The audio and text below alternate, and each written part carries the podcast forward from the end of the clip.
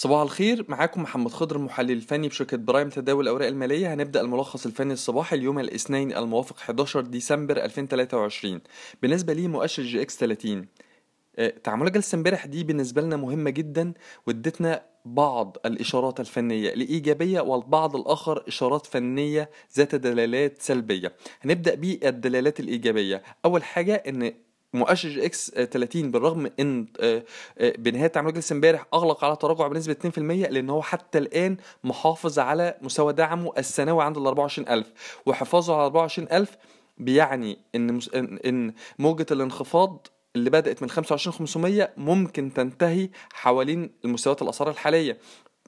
في حالة اختراق ال 24000 موجة الانخفاض ممكن تمتد ل 23200 يبقى أول دلالة إيجابية هو حفاظه على ال 24000 نقطة وده مستوى دعم بالنسبة لنا هام تاني دلالة إيجابية تحرك بعض مكوناته باتجاه مستويات مقاومتها وده بيعني آه، إن في بعض المكونات ممكن تفصل في أدائها عن البعض الآخر. على سبيل المثال سهم زي فوري اللي اتحرك باتجاه مستوى المقاومة ال 6 جنيه وتخطاه وإحنا شايفين إن الأداء الإيجابي لفوري ده ممكن يمتد ل 26 56 فبناء عليه آه، دي بالنسبة لنا دلالة إيجابية إن ممكن الأسهم آه، آه، أو يبقى في تباين في أداء المكونات حتى بالرغم من التراجع فأداء مكونات مؤشر EGX 30 ينفصل عن الآخر خاصة تلك المكونات اللي ما حققتش آه، مستهدفاتها أو ما حققتش مستهدفات مؤشر 24000 نقطة.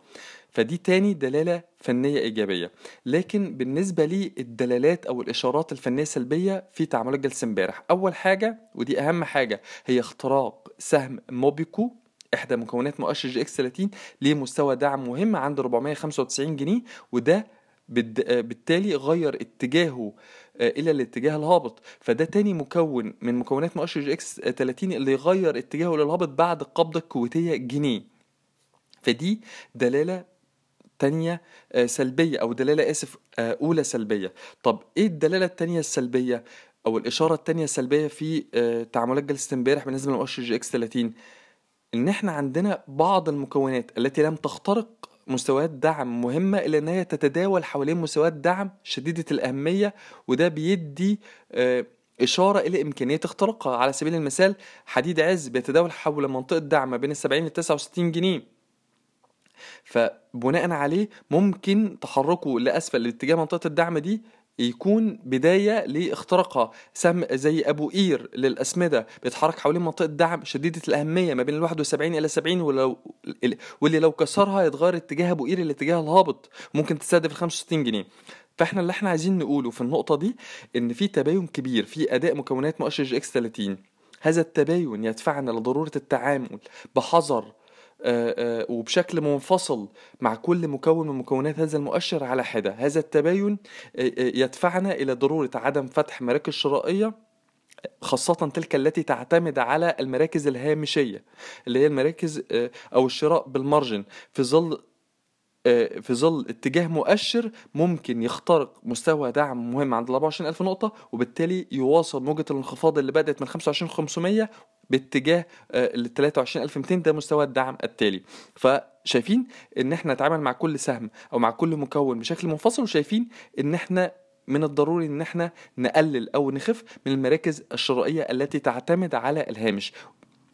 بالنسبة لي مؤشر جي إكس 70 مؤشر جي إكس 70 آه، محافظ حتى الآن على مستوى دعم مهم جدا هو ال 5170 ده المستوى اللي, تراجع عليه سابقا من مستوى المقاومة عند ال 5500 استمرار تماسك مؤشر EGX 70 أعلى هذا المستوى سيقوده إلى إعادة تجربة مستوى المقاومة عند ال 5500 ده مستوى المقاومة السابق في حالة اختراقه ليه ال 5350 يعني إحنا عايزين نقول إن هو ممكن يعيد تاني ال 5500 وده هيتأكد في حالة اختراقه ال 5350 بالنسبة لي ملاحظات التداول آه، هنبدأ بالأسهم ممكن تختبر مناطق مقاومة على المدى القريب. أول حاجة عندنا ليفت سلاب اللي رؤيتنا عليها إيجابية متمثلة في إمكانية استهدافه لمنطقة المقاومة بين ال 32 قرش إلى ال 35 قرش. تاني حاجة عندنا بنك تنمية الصادرات اللي رؤيتنا عليه إيجابية و- وهتزداد إيجابية مع اختراقه ل 19 جنيه مستهدفنا ل 21 جنيه.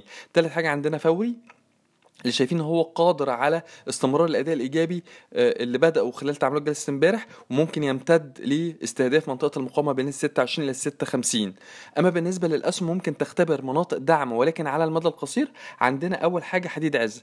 آه، إحنا رؤيتنا مش سلبية على الحديد عز لكن حطيناه في قائمة الأسهم اللي ممكن تكون رؤيتنا عليها سلبية ليه؟ لأن هو بيتداول حوالين منطقة دعم ما بين ال 70 ل 69 فأنا ضروري إن أنا أوضح لك إن المنطقة دي من الضروري تركز عليها في حالة اختراقها هيتغير حديد عز اتجاهه إلى الاتجاه الهابط ممكن يستهدف ال 65 جنيه.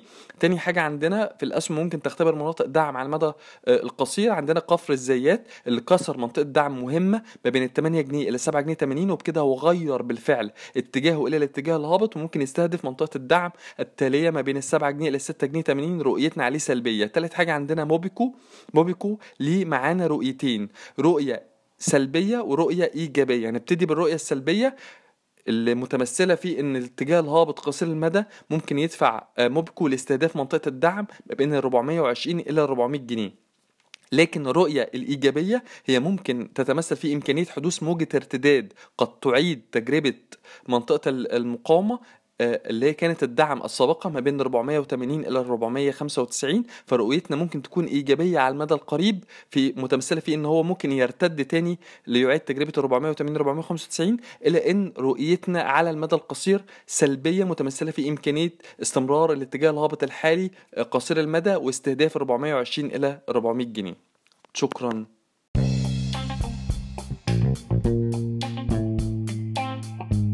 يرجى العلم أن هذا العرض هو لأغراض معرفية فقط ولا يمكن اعتباره عرض أو توصية شراء أو بيع أو إدارة استثمارات أو خدمات استشارية. ينصح باستشارة مستشارك المالي قبل اتخاذ أي قرار استثماري علما بأن الأداء التاريخي ليس مؤشرا يعتمد عليه لتحديد الأداء في المستقبل.